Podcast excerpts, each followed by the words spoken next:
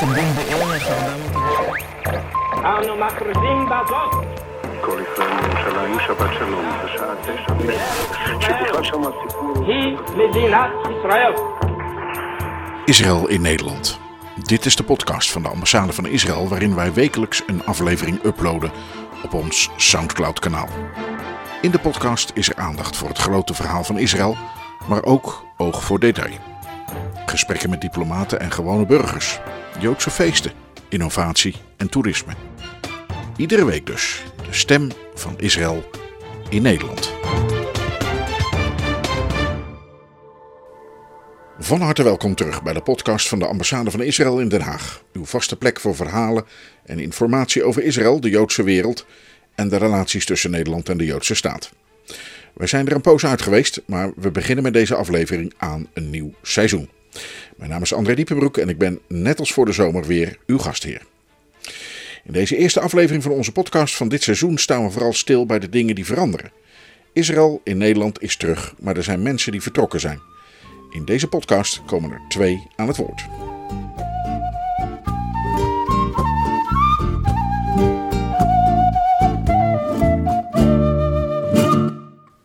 Een nieuw seizoen, dan vraag je je onwillekeurig af wat er nieuw is, wat blijft en wat gaat. Een van de stemmen die gaan is de toch wel vertrouwde stem van onze ambassadeur, Naor Gilon. In oktober verruilde hij Den Haag voor New Delhi, waar hij ambassadeur voor Israël is in India, Bhutan en Sri Lanka. Even ter vergelijking, Nederland heeft een oppervlakte van zo'n 41.865 vierkante kilometer. India, Bhutan en Sri Lanka samen ruwweg 3,4 miljoen vierkante kilometer. Nederland telt bijna 18 miljoen inwoners, India, Sri Lanka en Bhutan samen zo'n 1,3 miljard mensen. Ik denk dat het veilig is dit een promotie te noemen.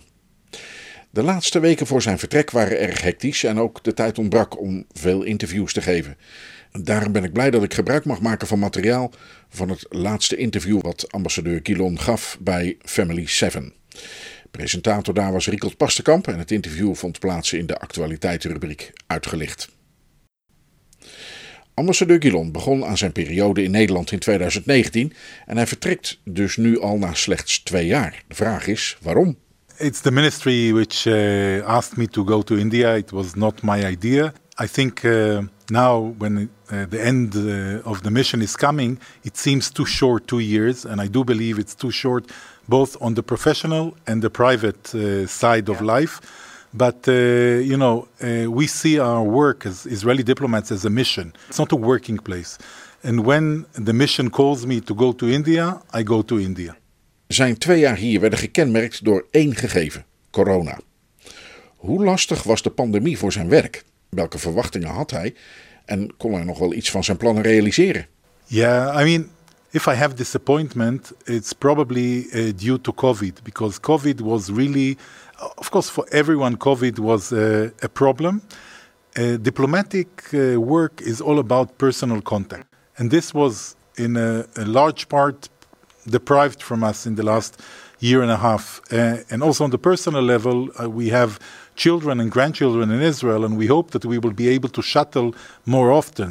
And my, my father, who is older, so things were also on the personal level a little bit more complicated. Bij een vertrek hoort ook een evaluatie. Hoe zijn de relaties tussen Nederland en Israël op dit moment? I grew up on very, very intimate relations between our two countries. So I still remember the 70s, the 60s, the 70s, after the, uh, the, the 73, the Yom Kippur War, that the Netherlands stood by Israel. Uh, the relations today are very good, are really good relations, very mature, good trade, good tourism before COVID, good ties between the leaderships. It's not intimate. It's very good, but I don't think we have the intimacy we used to have in the past. Iets anders wat veel aandacht opeiste was de toename van het antisemitisme. Jodenhaat werd openlijk zichtbaar en hoorbaar in het voetbal, tijdens de Gaza-oorlog in mei dit jaar en op scholen. Heeft hij er zelf iets van ervaren en hoe beziet hij deze ontwikkeling? It's a complex issue, anti-Semitism, yes. There are two kinds of anti-Semitism in general. There is a traditional one, which is sociological, religious, which we knew from the Middle Ages and beyond. And I think that this one after the Holocaust, after the Second World War, became politically incorrect. So people felt very uncomfortable being openly anti-Semitic or being suspected as such, and and this diminished. But now that we are more and more 75 years from the end of the war, people are, are less. Their feelings of guilt are lesser.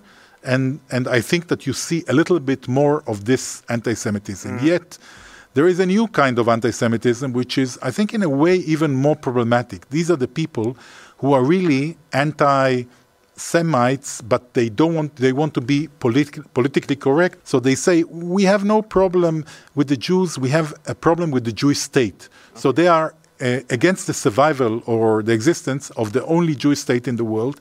While there are tens of countries who define themselves as Christian countries or as Muslim countries, there is one country in the world which defines itself as a Jewish state, a very small one, Israel. And uh, these people are uh, trying to delegitimize the existence of Israel. It's not, and it's very hard because they hide be- behind legitimate criticism of Israeli policies. While if you go further into their views, you understand that it's not about this policy or another policy. And we are surrounded in a way because the old anti Semitism usually is identified with right wing parties.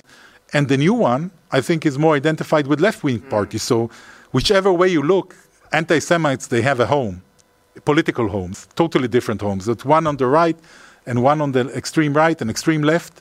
And, and this is a problem. Het is altijd goed dingen te illustreren met een voorbeeld. Gaza, antisemitisme en de vriendschap tussen beide landen. Alles werd dit jaar zichtbaar op Urk. Hoe belangrijk is die vriendschap en waar komt die vandaan? I think that this love has historic uh, uh, foundations. And, and I was told, because I was not here, that uh, the mayor of Jerusalem, Teddy Kollek, visited. And this was like a game changer, you know, the mayor of Jerusalem coming here. And uh, when I said what I said about Turk, by the way, it was during the last uh, escalation in Gaza, where they put in the, in the town hall and uh, uh, the Israeli flag. And if you go around, also on time of peace, one can find quite many Israeli flags hang on houses of private citizens. So there is a great love in Urk towards uh, the state of Israel. Tegelijk werd Urk de plek waar mensen die kritiek hadden op het coronabeleid grepen naar nazi-uniformen, kampkledij en een jodenster. Was het antisemitisme? Yeah, very unfortunate. I think that also the city council came out uh, to condemn it and, and to look into it. Uh, I think that among the people who are against the COVID, the whole thing, the movement against the COVID, uh, it's a huge mistake and uh, historic, unjust to uh, compare it to the Holocaust. In the Holocaust, there were the Jews who had to wear, including my father, grandfather, my family, who had to wear the yellow uh, star. They were limited. They had no life. They didn't have food. They didn't have any occupation. They couldn't do anything. They were not people. They were not persons. And at the end of the story, six million Jews were killed, one third of the Jewish population. So, in a way, to trivialize it, it's to compare the Holocaust to, to COVID, even if you disagree, it's trivializing the Holocaust. You cannot compare the Holocaust to anything, especially not to a policy of the government that you dislike. And it's okay, it's a free world and free country, but it's not connected to the Holocaust. It's not connected to the Yellow Star. It's not the same treatment. No one is killing you. No one is depriving you of your work and well being and food you are limited in a way. You don't like it, fight it. Don't you know? Fight it politically. Fight it in another way. Uh, uh, publicly, I mean, in, uh, on the social media, I, I think it's it's uh, it's a lack of judgment more than anything else. I don't think it's anti-Semitism. Yeah. Uh, but they don't understand the. I think that the people who are doing it don't understand the sensitivity of uh, the Jewish people to the Holocaust, and and I think this is the problem: lack of judgment and and maybe even historic background and knowledge of how deep the Holocaust, how how bad it was for the Jewish people. Fout gedrag dus. Maar hoe voorkom je dat? Education. It's all about, and I think that the city council in Urk and and you know they immediately came out against it at the, the federal level and the parties. So I think education is very important. One of the of the good things we spoke about the rise of anti-Semitism. I think then I remember from last year the king uh, speaking about his own family during the, the Holocaust, and then the prime minister speaking about uh, the government, and the Reformed Church speaking about their own behavior. And I think that even 75 years after some may say it's late. I think better late than ever. The people are looking into their own past, their own. It's of course the prime minister was not born yet, and the king was not born. They are my age more or less, but yet they are looking into the past, uh, and this is important because if you look into the past, the chances you repeat the same mistakes in the future are lesser. So it's a lesson for all of us and a I duty. Think it. I think. I think it is. I think it's all about education, and these people don't understand what they're doing. It's not. I, I don't think it's anti-Semitism, but it's not a. For them, it's not a great achievement. Dan tenslotte, van Den Haag naar New Delhi ziet hij het zelf als een promotie. No, uh, promotion. You know, I'm an ambassador. I've been ambassador. Uh, I'm, I'm a v- veteran foreign policy diplomat for more than 30 years. Uh, in, uh, I was before ambassador to Italy and now to the Netherlands. It's a new challenge for me. I don't know. It, it's an important country, but also the Netherlands is important. It's a very challenging country. Our relations are very deep. One of our biggest embassies physically. So, yeah, it's it's a good it's a good uh, challenge, a good mission, as I said, shlichut, as we call in Hebrew. Again, I don't see my work as a normal dip- Israeli diplomat is different than other diplomats. For us, it's a question of representing the only Jewish state and our survivability and being part of the national security in a way of our country. So when I'm asked to come to the flag, as we call, say in Hebrew, and and go to India and do my best to build the relations with this very important growing power, already important but growing power, I look at it as a great and positive challenge. Our defense relations are very, very good. Economic uh, cooperation is huge and growing, and development policy we do there uh, quite a lot of work on agriculture and uh, water systems uh, technologies, and I think in general these will be probably the main things I do. Is er al iets bekend over zijn opvolger, die medio december in Den Haag wordt verwacht? My successor, I can already say it because uh, the Dutch government gave its approval. His name is Modi Ephraim. He is in charge now of Latin America affairs in the ministry. He's a high level, uh, uh, very high level diplomat. Around my age, a very nice guy. I'm sure you will enjoy him at least as much as you enjoyed me. As customary between us, when we finish or when you come to the end of your term, you prepare for your successor a list of people or meetings they should do and on topics that are open. And I did that. It's very uh, comfortable and, and, and easy to be the ambassador of Israel to the Netherlands because we find here many friends. We have people who like us less in the political system, but we have many, many friends. Israel is a strong country, but we, as diplomats, as a small country, as an isolated country, uh, for us, the support, the moral support, the knowledge that we are not alone in the battle for safekeeping Israel is giving us a boost of energy. And I would like to thank our friends in the Netherlands for their friendship.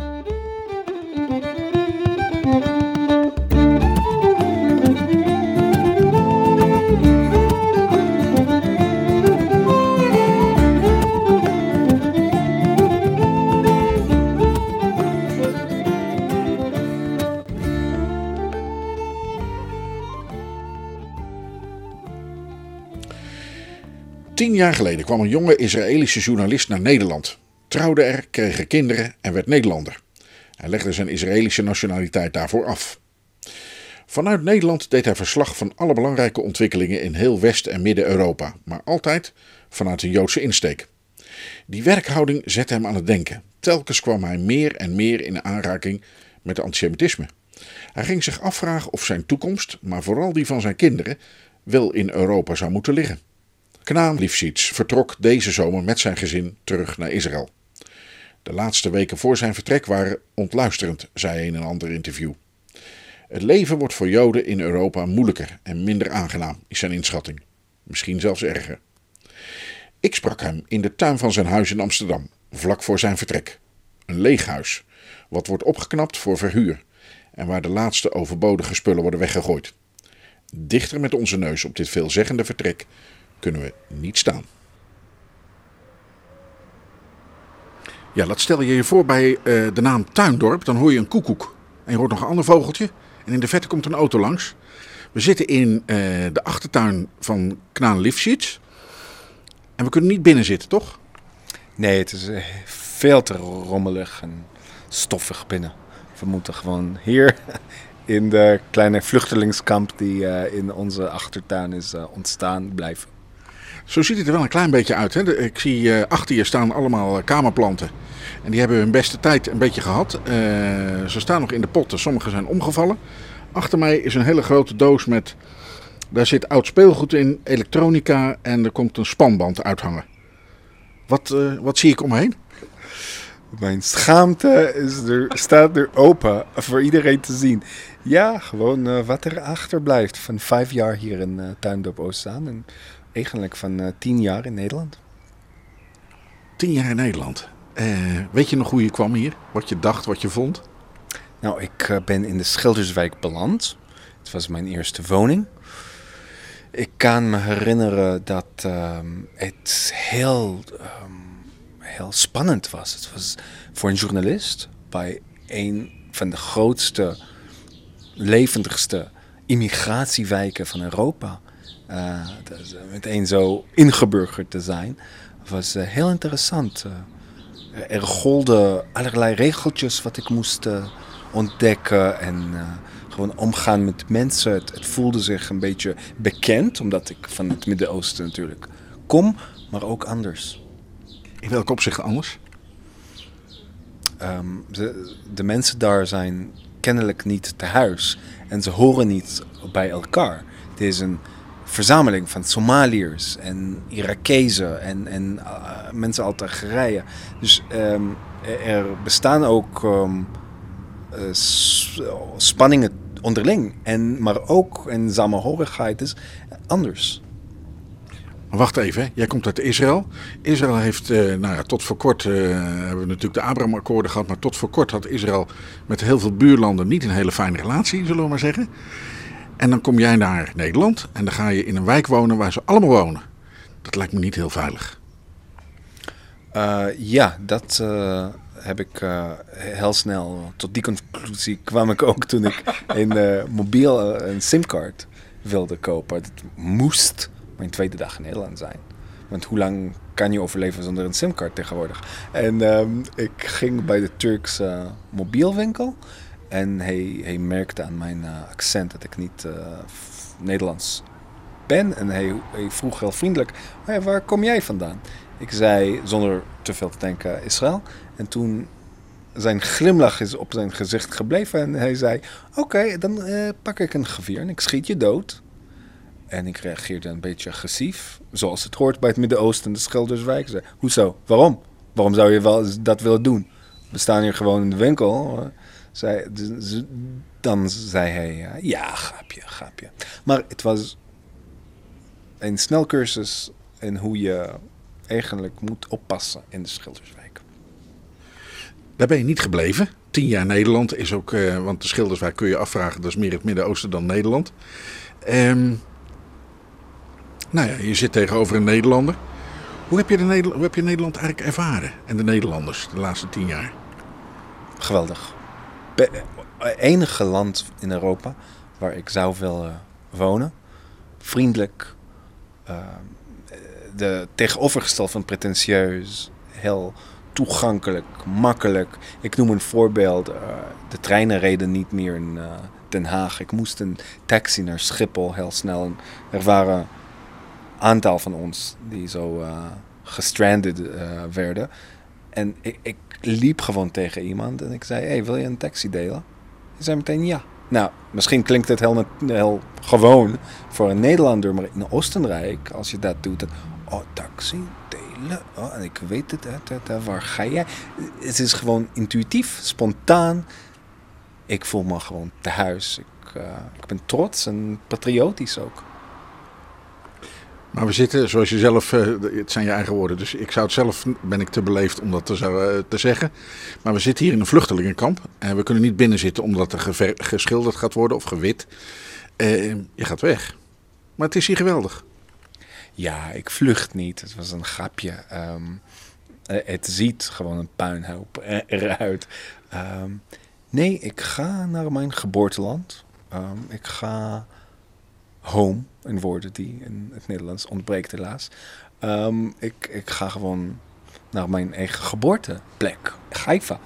Eh, en ik ga mijn kinderen daarop voeden. Dus een heel positief, heel optimistisch verhaal. Maar ja, in de achtergrond spelen er ook eh, twijfels en onzekerheid over de toekomst. Uh, en dat komt vanwege het feit dat het, is, het is helemaal niet erg hier. Het is gezellig, het is leuk hier, nu. En toch gebeuren er nu dingen die 15 jaar geleden ondenkbaar zouden zijn. Gaibar, Gaibar El Yahud op de straten. Een herinnering aan de massacre van uh, de 18e, van de 8, 18e, nee, 8e, de 8e eeuw uh, van de Joden door um, de, het leger van Mohammed. Ja, dat heb je natuurlijk nooit gehoord hier. En Hamas, Hamas, Joden aan de gas. De Alst Festival, Charlie Hebdo, Hypercacher, Halle. Ja, um, en als dat nu gebeurt, en dat is helemaal niet zo erg, het speelt in de achtergrond. Wat betekent dat voor de toekomst van mijn kinderen? Wat gebeurt er 15 jaren van, van nu vandaan die uh, ondenkbaar nu zou zijn? En ik denk namelijk, kunnen mijn kinderen, zou, zouden ze kunnen op uh, hun uh, studies van voorkeur gaan? Of is het misschien, zou het af te raden zijn voor een bewuste, aangesproken, half Israëlisch Jood? Uh, ik kan me best voorstellen dat dat zou zo zijn. Want nu is het al een beetje lastig voor zulke mensen. Dat is toch niet voor te stellen dat, we dit, dat je dit moet. Ja, goed. Kijk, als Nederlanders zullen we dat misschien niet zo heel snel uh, nou, uh, constateren. En zo. Ontwikkelingen gaan ook langzaam natuurlijk. Jij hebt natuurlijk een startpunt. Uh, in 2011 ben je hier gekomen in Nederland. Of was het 2010? 10. 10. He, dus je, je hebt echt een startpunt. IND was het 11. Wat zei je? Voor de IND was het 11. Oké, okay. we houden het op 11. 10 jaar. Maar dan, uh, dus je, je hebt echt een startpunt en je, kunt, je bent nu, dus je kunt vergelijken, zeg maar. Je doet dat als buitenstaander toch veel eerder dan als uh, Nederlanders die hier altijd uh, gezeten en gewoond hebben. Maar dat is toch eigenlijk wel. Uh... Ik zoek een beetje naar woorden hoor, maar dat is eigenlijk toch. Je zei net ondenkbaar. Maar dat hadden we ons echt niet voor kunnen stellen. Als jij in 2000. Jij zelf denk ik ook niet in 2000. Ik heb nog een artikel, oud artikel van je opgezocht. Je werd toen ook geïnterviewd.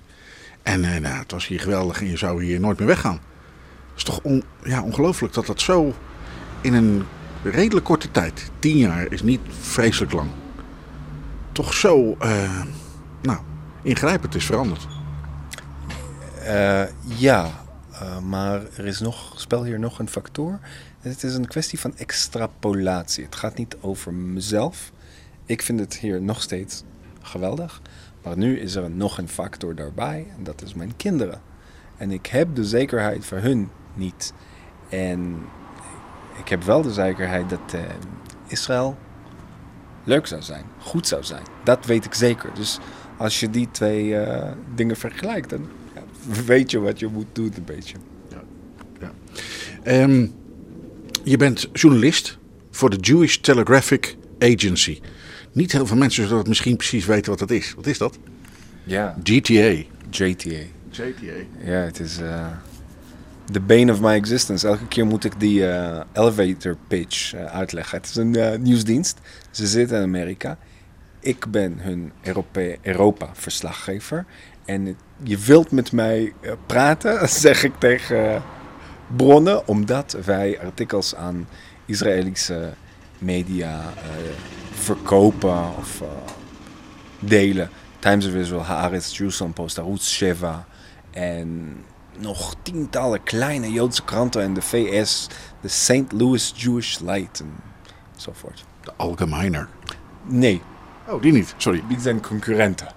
Oh, ja, laten we even buiten beschouwing dan. Maar, um, Deze doen geweldig werk. Dus je bent eigenlijk een, uh, je werkt eigenlijk voor een persbureau. Zo zou je het kunnen zeggen. Een, uh, ja, een, een, persdienst. Um, je bent het voor heel Europa, dus je kunt ook vergelijken. Uh, wat je nu net zegt over Nederland, geldt dat voor heel Europa, voor allerlei Europese landen? En is er verschil? In hoger maat nog bij andere landen. Dus hier is het nog goed in Parijs, ja, hoef ik niet te veel uit te leggen, want ik, ik stel voor dat onze ehm, eh, eh, publiek weet al een beetje genoeg van wat daar aan, het, eh, aan de gang is. Maar ik noem wel een, een heel recentelijke ontwikkeling die, die ik denk dat ik meegemaakt heb. Eh, in ehm, 2017, even een voorwoord. In 2017 werd er een, eh, een oude dame, eh, Sarah Alimi, vermoord in Parijs.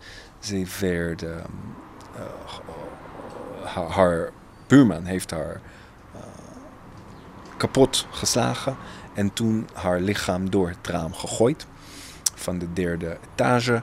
Eh, en hij scheurde over Allah en noemde haar Satan, wat betekent eh, demon of monster in, in, in het Arabisch. En toen schreeuwde hij: Er is een, een oude dame die gevallen is. En hij, hij liep weg. En een paar gebouwen, een paar blokjes verder, werd hij wel opgehouden. En, ehm, en, en gewoon gearresteerd. Maar hij werd nooit veroordeeld. En in april werd hij eh, niet eh toevattings Toerekeningsvatbaar. toerekeningsvatbaar. Bijna. Ehm, werd hij zo eh, gevonden en eh, dat was het. Nu blijft hij in een psychiatrische ziekenhuis. En als hij uitkomt, dan ehm, hoeft, hoeven de autoriteiten dat zelfs niet te vermelden, want het is eh, medical secrecy, zeg maar. En er ontstond heel veel woede hierover binnen de Joodse gemeenschap. Wat te begrijpen is, wat normaal is. Dat is mijn punt niet. Er was een demonstratie, nog maar, nogmaals, een beetje, dat was een beetje minder gebruikelijk. Want de Franse Joden demonstreren niet tegen de regering. Ze demonstreren tegen antisemitisme, niet tegen de regering. Dat was al, al apart. En toen ik daar kwam, verwachtte ik dezelfde retoriek wat ik altijd hoor bij zulke demonstranten, ehm, demonstraties. Sorry. De Franse Joden zijn een trotse groep. Ehm, het gaat meestal eh, over ehm, toespraken, want eh, we gaan nooit toegeven, we gaan nooit weg, we vechten voor ons rechten enzovoort. En, en dat was er ook nu in april. Maar voor het eerste heb ik ook een soort pessimisme en defeatisme en zwart humor. En ehm, ja, een, gevoel dat, dat de zaak verloren is gehoord. Ik noem een voorbeeld. Eh, een van de organisatoren, eh, organisatoren hij trad op en hij zei... ehm, maar wat gaan we doen als we de autoriteiten eh, niet meer eh, kunnen... ehm, eh, ik vertaal uit het Frans. Als, als we hen niet meer kunnen geloven. En toen schreeuwde de publiek Alia. Nou, dat, dat hoor je nooit bij zulke evenementen. En ik, ik, heb ik realiseerde me dat iets aan het veranderen was. En de, de cumulatief gewicht van jaren van, laten we het noemen, persecutie bij sommige wijken. ehm, heeft een zware, werkelijke effect op, eh, op de. Ja, op, op het, op het Frans-Jood zijn. eh, hoe, de ervaring. En, en wat ze met hun leven willen doen. Ook weer ondenkbaar eigenlijk. Dat hadden we ons niet voor kunnen stellen. En dan helemaal niet in, nou ja, laat ik zeggen, dit deel van de wereld waar de Shoah heeft, heeft plaatsgevonden. Dat we weer nou ja, op, op diezelfde verkeerde weg zitten hier. Als het over de zaak Halimi, l'affaire Halimi, gaat, ehm, daar ben ik niet noodzakelijk in het eens hoor. Ehm, ik denk dat het juridisch systeem moet wel onafhankelijk opereren van hoe het eruit ziet en politieke overwegingen. En als de, ik, heb de, ik, heb het, ik zeg het eerlijk, ik heb de rechtszaak niet eh, heel ehm, dichtbij gevolgd. Ik heb wel de, de nagevolgen van gevolgd. Maar ehm, ja, die nagevolgen, die gevoel van, van eh, hopeloosheid, dat is, eh, dat is iets wat ik niet verwacht, zelfs niet, zelfs niet naar eh 15 jaar Frans Jodendom eh coveren. We hebben het nu over Nederland gehad en eh, Frankrijk. Eh, hoe is het in Oost-Europa? Is dat anders dan West-Europa? Heb je daar ook verschil in gezien? Lo- Loopt die, laat ik zeggen, de grens Oost-West nog steeds door Europa heen? Eh, als we het over grote Joodse gemeenschappen in Oost-Europa is het eigenlijk in drie landen: Hongarije, Oekraïne en Rusland. De rest eh, hebben we het over 3000 hier, 2000 daar. Dus als we over die drie landen he- het hebben, ehm, het gaat niet zo goed bij Rusland en, Oekraïne vanwege economische eh, eh, ehm, omstandigheden. Eh, en, ehm, en, en we zien dat de grootste bron van olim naar Israël de laatste paar jaren zijn Russen. Ongeveer 8000 per jaar van een gemeenschap van 160.000. Dus het gaat daar niet goed, en, maar niet vanwege dezelfde redenen als hier. Eh, economische, eh, antidemocratische regering. Ehm, Joden zijn best gevoelig voor. En ze vertrekken in, in droves, zeg maar. Eh, in Oekraïne heb je een, een, ehm, een, eh, een ander verhaal. Ik denk dat Oekraïne nummer twee is als bron van olim. Eh, en daar heb je een ehm, toenemende nationalisme. Een uh, holocaust-ontkenning. Erger nog, de daders van de holocaust te vieren als helden. Vanwege, niet vanwege antisemitisme. Het is omdat ze anti-Russisch symbolen zijn. Mensen zoals uh, Stepan Bandera en Roman Shukhevich. Maar het geeft nog, nogmaals een heel onrustig gevoel bij de Joden die daar wonen. En, we, en samen met de economische crisis van Oekraïne we zien we de nagevolgen hiervan ook. In Hongarije gaat het een stukje minder. Het is een EU-land. Joden voelen, nou, voorlopig tenminste, Joden voelen daar dat ze opties hebben en de vrijheid om, om nog, nog even te blijven. Zelfs als, als niet hun held is. Uh, maar ja, ik zou zeggen dat twee derde van Oost-Europese Jodendom uh, zit voorlopig niet lekker. En als je dan via Oost-Europa naar West-Europa kijkt, je hebt net Frankrijk gezegd, uh, kunnen we ons dat voorstellen dat er echt massaal emigratie, hè, dus Alia, uh, ontstaat vanuit uh, West-Europese landen? Massaal dan, hè?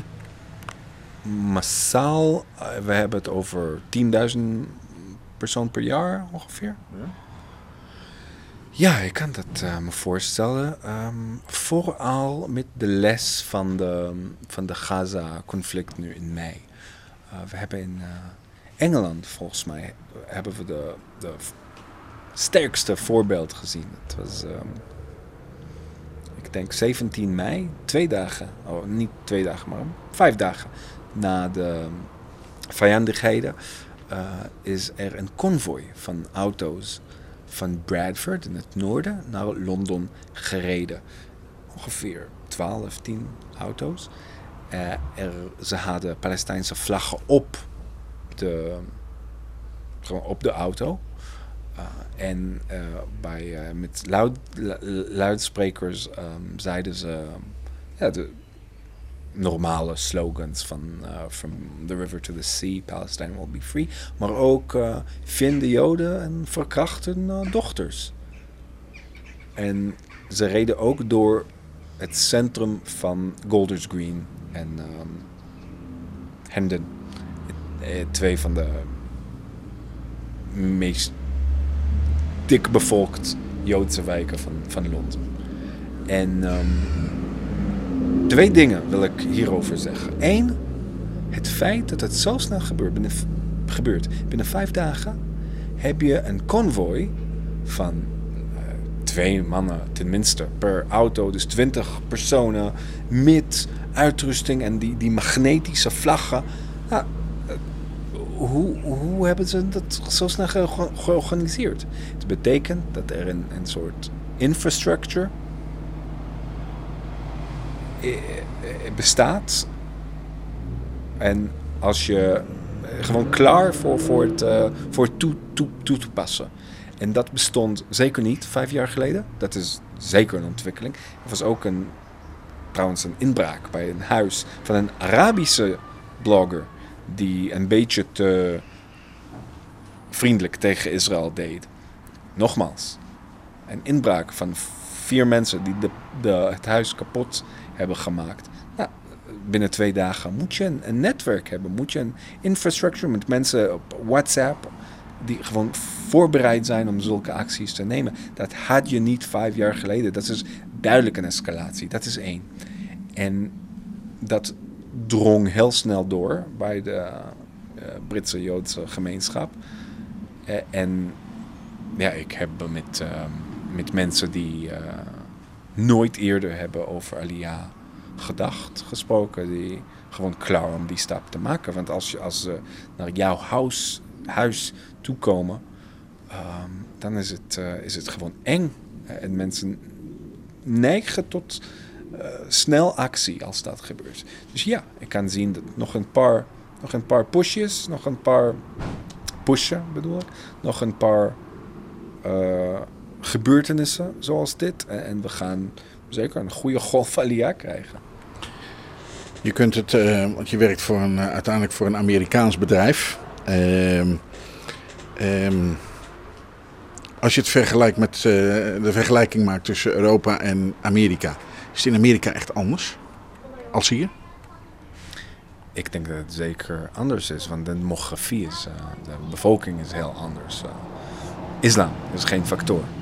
En eh, religie, Waarom niet? omdat er heel weinig moslims in de VS in vergelijking met wat we hier hebben zijn.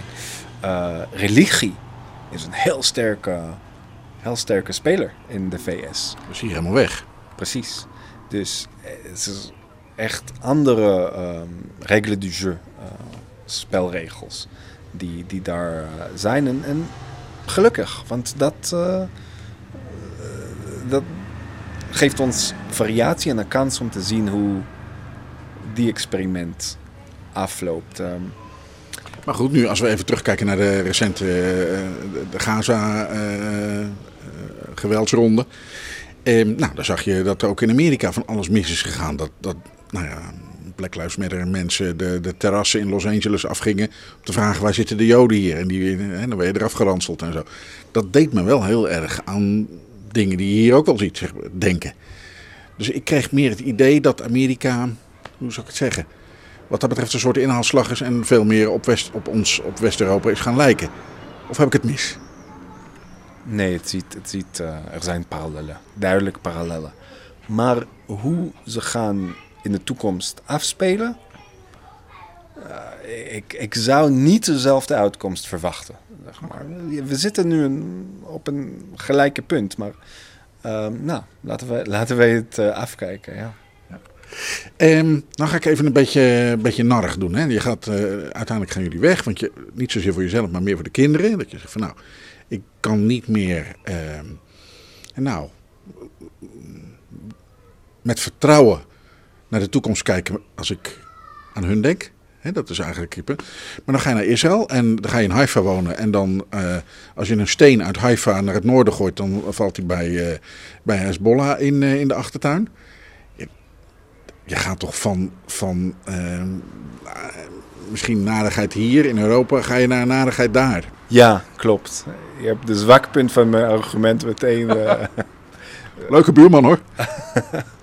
Um, maar het is hun puinhoop. Het is hun probleem als Joden. En hier, ja, ook als Nederlanders. Maar kijk, ik, ehm, ik zat heel lang over die kwesties te, te denken. En ook bijvoorbeeld andere kwesties. Eh, ik zei dat ik een patriotische Nederlander ben. Nou, wat betekent dat als je een beetje onzeker bent over de toekomst? Dan ga je meteen weg en je koffer pakken. Wat voor boodschap en les is het aan de kinderen? Nee, als je zorgen maakt en dit is je home, je land, dan blijf je. En je werkt in zover je kan en, om het beter te maken. Dus zulke gedachten ehm, eh, gaan rond in mijn hoofd. Maar altijd als ik een beetje eraan denk, dan herinner ik me aan mezelf. Herinner, herinner ik aan mezelf dat ehm, we zijn Joden. En Joden horen bij Eretz Israël. En, en daarom hoef je niet te veel te denken. Ja, het klinkt do- dogmatisch, een beetje mantra-achtig. Maar ehm, ja, ik geloof erin. Mijn grootouders zijn uit Europa in de jaren 20 uh, naar Israël gekomen. Jaren 20 en 50. Ehm, en, uh, en dat betekent iets. Mijn opa heeft in alle oorlogen uh, gevochten. Mijn papa heeft in bijna alle. Um, ja, en, en het is hun oorlogen ook. Het is hun land. Ze horen daarbij en we gaan het gewoon proberen. Ben je langer gebleven dan je oorspronkelijk de bedoeling had? Zeker. Ja, mijn groot droom was in Afrika te gaan werken. Uh, ik, ik vond gewoon Afrika heel uh, interessant, omdat mijn moeder daar werkte als um, uh, bij de, hoe zeg je, Merchant Marine, Nederlands, flottille, marine. Ja, de, de, bij de koopvaardij. Koopvaardij, nou, dat is een mooie. Um, en, en in Afrika in de jaren 60 werkte. Dus ik, ik wilde, ik was heel, ik vond het heel interessant om daar te gaan werken. Maar toen heb ik mijn vrouw nou, ik, ik, ken haar sinds lang. We zijn um, jeugdvrienden. Maar uh, toen is er iets tussen ons begonnen hier in Nederland. En, uh, het werd een andere avontuur van twee kinderen en luiers en babybjorns. En grijze haren waarschijnlijk? um, wie van jullie begon hier voor het eerst over om terug te gaan? Hoor? Wie had het idee als eerste? Nou, mijn, mijn vrouw is uh, hier in Nederland geboren. En uh, haar vader is Israëlisch. De eerste keer dat zij het over Israël had was 2015. Ik moest, we waren huizen aan het bezoeken om, om een huis te kopen. en toen is Hyper Kasher gebeurd. ik sprong meteen van Den Haag, van de Schilderswijk op de Thalys om naar de Hyper te, te, te coveren. En ik belde haar onderweg om te vragen dat ze de, het bezoek uitstelt. En uh, toen zei ze uit het niks: nou, laat maar, laten we een huis in Israël kopen. Europa is uh, verloren. Wat, wat dacht je? Want dat, is, dat had je niet verwacht, denk ik. Nee, mijn vrouw is heel nuchter en um, veel te praktisch om uh, over politiek en de kwestie van Europa haar tijden te verspillen zoals ik. Um, maar dat was, dat was gewoon de eerste keer. En ik wist dat, er, dat het ook in haar uh, er, het speelde een beetje. En toen um, is corona gebeurd en uh, ik besefte me dat ik, ik kan overal werken. Ik hoef niet meer zoveel te reizen. En zelfs als het moet, dan Israël is heel toegankelijk nu met de open skies, met de low-cost revolutie die in 2017 is gebeurd. Goed, allerlei redenen en, en argumenten om weg te gaan. En um, mijn vrouw vond het een goed idee, ik vond het een goed idee en dan deed ik niks. Daar ben ik heel goed in. en toen, uh, ik hoor haar op de telefoon haar abonnementen af, aan het afzeggen en, en uh, haar verzekering uit te schakelen. Wow, wacht even. Dan, dan, ja, dan, en dan sneeuwbalt het, uh, balte het vandaan verder. Tot nu toe. Heb je er zin in? Oh, zeker. zeker. Ik heb uh, ontdekt dat uh, Gaifa, waar we gaan wonen, biedt één jaar gratis toegang uh, aan Olim op haar dierentuin. Dus we gaan daar gewoon wonen. Ik ga een kooi voor ons regelen, zodat we niet naar huis hoeven s'avonds. De kinderen vinden het geweldig en ik mis de landschappen. Ik weet, Nederland heeft haar uh, schoonheid, zeker. Maar als je uit een dramatische landschap komt, dan... Mm, ja, je mist het toch. En de fauna en de flora en Familie heb ik daar niet zoveel, alleen maar één tante. Maar vrienden wel. En ehm, nou, als je, als je aan het hiken bent in Israël als Israëliër, als je die Bijbelse route loopt in de hitte, het, het, er is geen vergelijking. Het is niet zoals gewoon hiken in Portugal, zeg maar. Zeker niet hier in Nederland. En dat mis ik.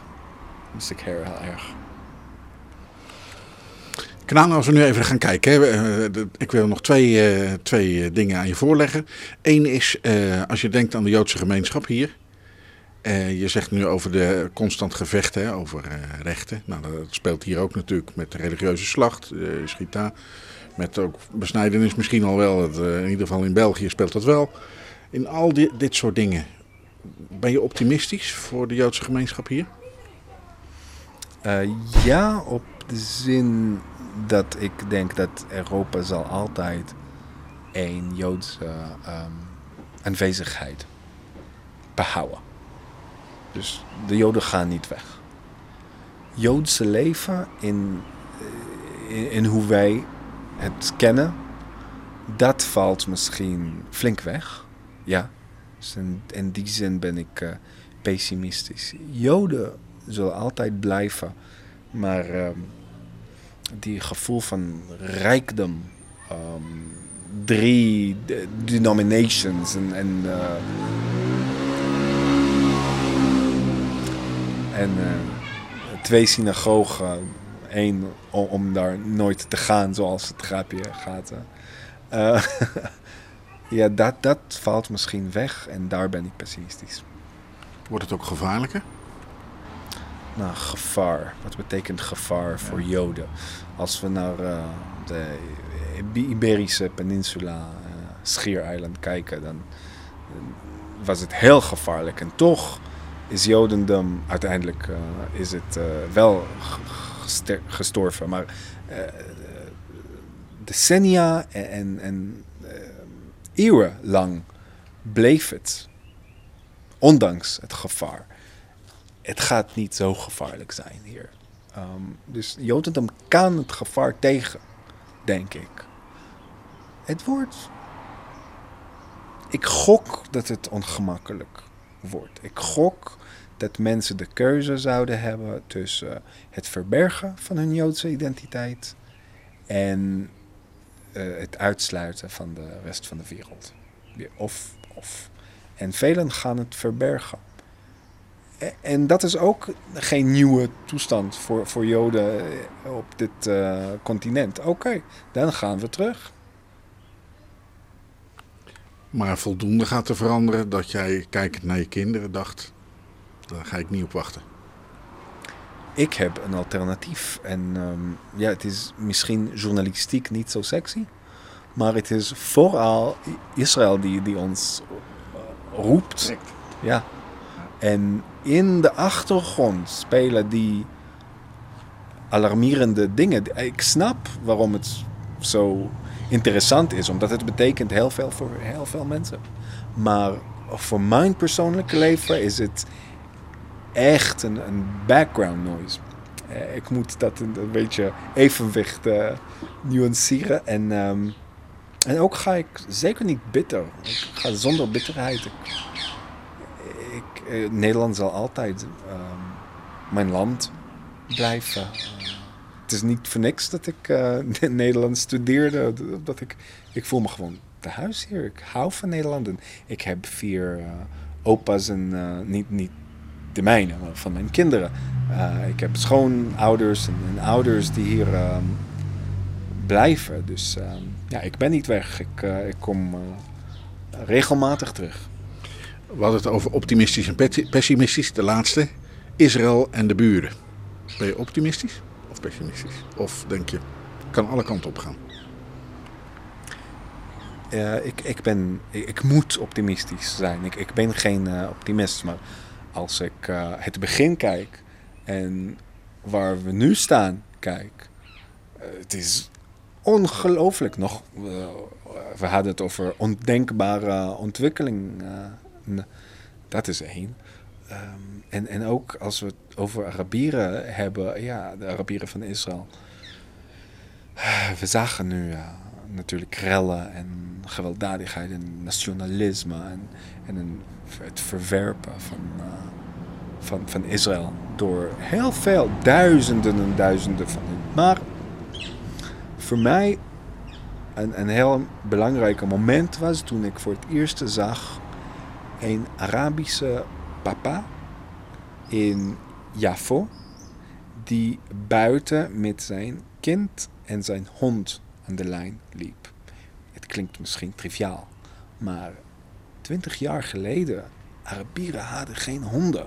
Oké, het was niet. Je, hebt geen honden in je huis. Je gaat met je hond niet aan de lijn. Ook de orthodoxen in Israël nu. Het is een, een vieze, vuile beest. Er zijn heel belangrijke uh, ontwikkelingen in de maatschappij in Israël. De Arabieren maken deel uit van. En ja, voor de Palestijnen die in de in de Westoever en Juda Shomron en Gaza. Ja, wie weet. Ik bedoel, de, het Midden-Oosten, in case you didn't notice, is echt aan het verschuiven nu. Alles kan gebeuren. Misschien gaat de uh, westelijke Jordaanoever in confederatie met Jordanië. Je weet van nooit. Maar, maar wat, wat ik wel weet, dat het gaat de goede kant op. Het, als, het, als, als we zo ver zijn, is het een teken dat, dat, het, echt, uh, dat het echt de goede kant op loopt. Ik weet niet wat je precies zegt in het Hebreeuws tegen iemand die op Aliyah gaat. Het enige wat ik weet is Nesia Tova. Goeie reis. Ik denk dat het uh, Mazal Tov ook erbij hoort. Dankjewel. En dat zei journalist Knaan Lifshitz van het Jewish Telegraphic Agency die Amsterdam verruilde voor Israël, die als voormalig Israëliër terugkeerde en met zijn gezin op Aliyah ging naar het beloofde land. Wij wensen hem en zijn gezin daar alle goeds toe.